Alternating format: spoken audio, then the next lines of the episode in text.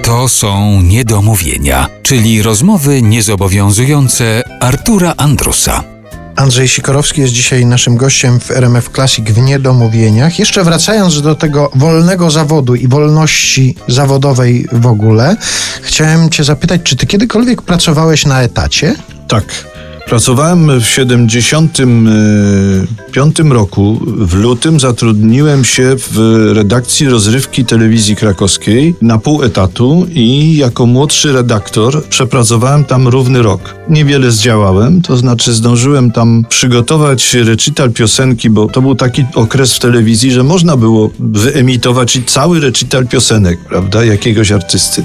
I nikt Przygo nie myślał, że nikt... to spowoduje spadek oglądalności. Tak, nie myślał nikt, że jest spadek e, oglądalności, a na dodatek był to artysta żyjący, bo dzisiaj jeszcze można wyemitować, e, jak ktoś pożegna się z tym światem. Więc zrobiłem taki recital Nataszy Czarmińskiej, która bardzo interesującej artystce. E, zrobiłem recital piosenek greckich swojemu szwagrowi, tutaj się przyznaję do nepotyzmu. Wtedy byłem związany z tą telewizją jeszcze programami Spotkanie z balladą telewizyjne, do których do każdego niemal odcinka przygotowywałem swoje okienko z piosenką i pojawiałem się tam jako śpiewający autor. No ale w międzyczasie zacząłem już być blisko kabaretu pod budą, z którego potem wyro wyrosła grupa muzyczna pod budą.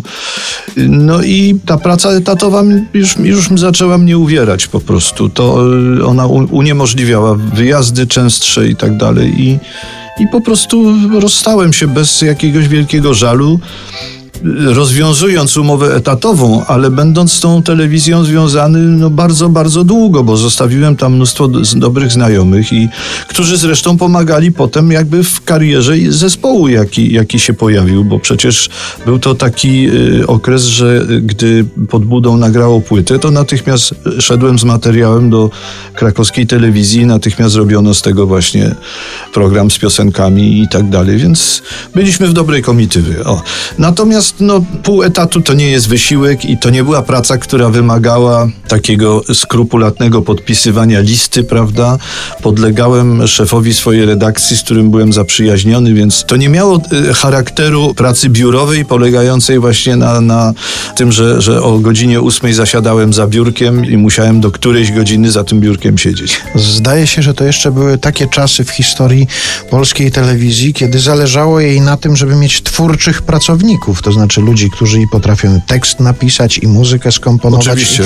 I, i telewizja chciała być takim miejscem koncentrującym. Oczywiście, ludzi. poza tym to były czasy, w których y, miałem okazję podglądać przy pracy starych fachowców.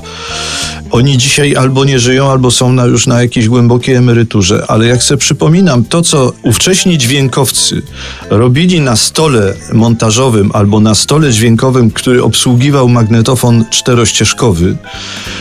to byli mistrzowie świata w porównaniu z tymi, którzy dzisiaj mają po prostu do dyspozycji no, kosmiczne zupełnie urządzenia.